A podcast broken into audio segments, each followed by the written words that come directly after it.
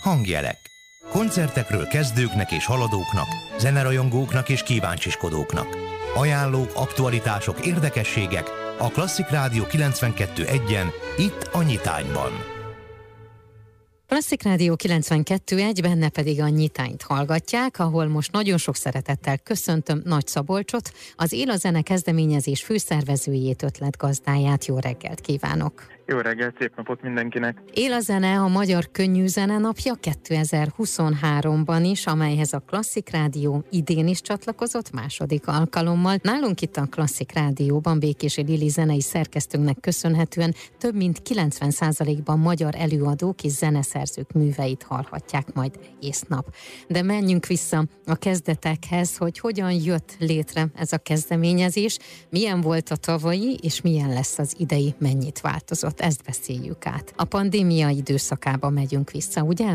Igen, igen. 2021 év végét írunk. Zuglóban egy hipermarketben vásárolok. Éppen karácsonyi nagy bevásárlást tartok. 30 perccel legalább a bevásárló központban, illetve hipermarketben töltöttem, és ezen idő alatt arra lettem figyelmes, hogy a hangszórókból kizárólag kortárs amerikai popzene szól, és először azt gondoltam, hogy ez így van rendjén, nem én vagyok a célcsoport, minek után hétköznap délelőtt történt ez a vásárlás. Körülöttem, ahogy szétnéztem, maszkok ellenére, mert ugye akkor még maszkot kellett hordani a boltokban, azt láttam, hogy szinte csak nyugdíjas vásárló van, és akkor ez az elméletem megdőlt, hogy célcsoportnak szólna a zene, és akkor arra gondoltam, milyen jó lenne, hogyha itt is a ezekből a hangszórókból, illetve ezeken a felületeken is magyar zene szólhatna. Akkor ezzel a gondolattal, illetve ötlettel megkerestem a magyarországi háttérzene szolgáltatókat. Ugye a, a nevükből is kiderül, hogy ők azok, akik a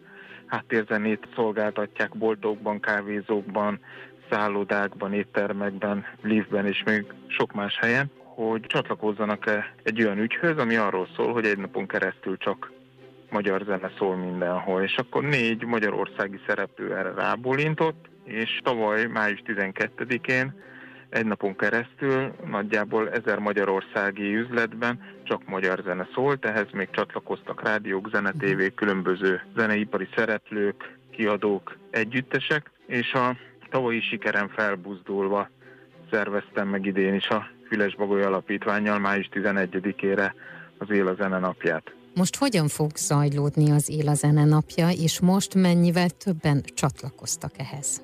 A menet az ugyanaz lényegében, amikor kitaláltam a Él a zene kezdeményezést, akkor az volt a cél, hogy egy Covid biztos esemény legyen, tehát igazából egy fizikai esemény nincsen hozzá. Ez így zajlik május 11-én is. Annyiban másabb, mint tavaly egyrészt, hogy grandiózusabb lett, tehát amíg tavaly ezer boltban, idén nagyjából 2000 boltban hallható magyar zene, illetve a kezdeményezéshez csatlakoztak sportesemények is. Tour de Hongrie kerékpárverseny második napján, azaz május 11-én, illetve szintén május 11-én a Szegedi Kajakkenu világkupán is kizárólag magyar zene fog szólni. Ezen kívül idén is nagyjából 100 iskola rádió és magyar zenét fog szolgáltatni ezen a napon. A magyar zene az pontosan mit jelent? Magyar szerzőnek kell lennie, magyarul kell énekelnie, vagy Magyarországon kell kiadni? Magyar szerzőnek kell lennie, énekelhet bármilyen nyelven, angolul, spanyolul, magyarul is, illetve nem kell, hogy Magyarországon tartózkodjon, az a lényeg, hogy a szerző magyar legyen. Él a zene, a Magyar Könnyűzere napja 2023-ban, a Klasszik Rádióban ismét. Ez a mai témánk. Már is folytatom a beszélgetést Nagy Szabolcsal, az Él a zene kezdeményezés főszervezőjével, ötletgazdájával.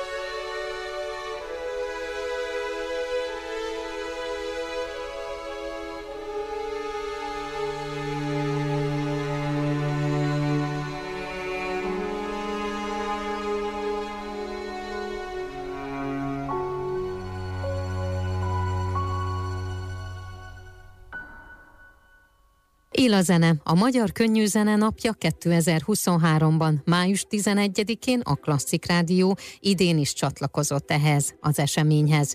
Ez a 24 óra alatt Békési Lili zenei szerkesztőnknek köszönhetően több mint 90%-ban magyar előadók, zeneszerzők műveit hallhatnák majd. A közel 2000 üzletben, hipermarketben és szállodában kizárólag magyar zene szól. Az Él a zene kezdeményezéshez idén sportesemények is csatlakoztak. A szervezők célja előtérbe helyezni a magyar szerzőket, előadókat és dalokat. A megmozduláshoz számos zeneipari szereplő, rádió és zenetévé is bekapcsolódott. A vendégem Nagy Szabolcs, az Él a Zene kezdeményezés főszervezője és ötletgazdája. Folytassuk a beszélgetést. Mit szólnak egyébként ehhez a zenészek? Legyenek akár popzenészek, rockzenészek, punkzenészek, klasszikus zenészek. Én azt látom, hogy maximális az ügynek a támogatottsága. A kezdeményezésnek az is része, hogy összeállítottunk nagyjából egy száz dalból álló listát, amit kiajánlunk a háttérzene szolgáltatóknak, rádióknak és egyéb partnereknek, azzal a javaslattal, hogy ezeket a dalokat játszák. Ebben a körülbelül száz dalban nagyon sok olyan szerzemény van, amit induló produkciók készítettek, olyan még kevésbé ismert együttesek, akik egyébként nagyon színvonalas dalokat írnak, tehát az is cél volt, hogy új előadókat mutassunk be a élezenek kezdeményezés által. És ugye a kérdésére is válaszoljak, ugye sok együttest megkeresünk azzal, hogy adják a dalaikat ehhez a kezdeményezéshez, és hát nem volt olyan, aki ne tette volna, hm. boldogan adták a dalaikat. Illetve abból is le tudjuk mérni, hogy tavaly is, illetve idén is kezdeményezésnek vannak uh, nagykövetei. Idén négy általam nagyra tartott művészt kértem fel arra, hogy arcával, nevével hirdesse a az élezene kampányt, ők pedig Lábas Viki, a Margaret Island énekesnője, Orsova Irene énekesnő, Likó Marcel a Vadfruttik énekese és Fekete Giorgio a Carson Kóma énekese. Nem kellett őket nagyon noszogatni, hmm. hogy, hogy erre a kérésre igent mondjanak. A Klasszik Rádió tavaly úgy csatlakozott ehhez a kampányhoz, hogy olyan klasszikus zenészekkel vagy zeneszerzőkkel beszélgettünk, akik egyébként a popzenében vagy a könnyű zenében is jártasak, és egyébként meglepő volt, hogy mondjuk volt például egy zeneszerző, Bella Máté, aki egyébként a Zeneakadémián oktat zeneszerzést, és mondjuk neki köszönhetjük azt a dalt, amely Rácz Gergő és Orsovai Renének a közös dala volt, és amely a dalban is megnyerte a most mostantól. Így van, így van. Tehát azért van összefonódás. Idén pedig azt találtuk ki, hogy akik a vendégeink itt a Klasszik Rádióban aznap, illetve előző napokban,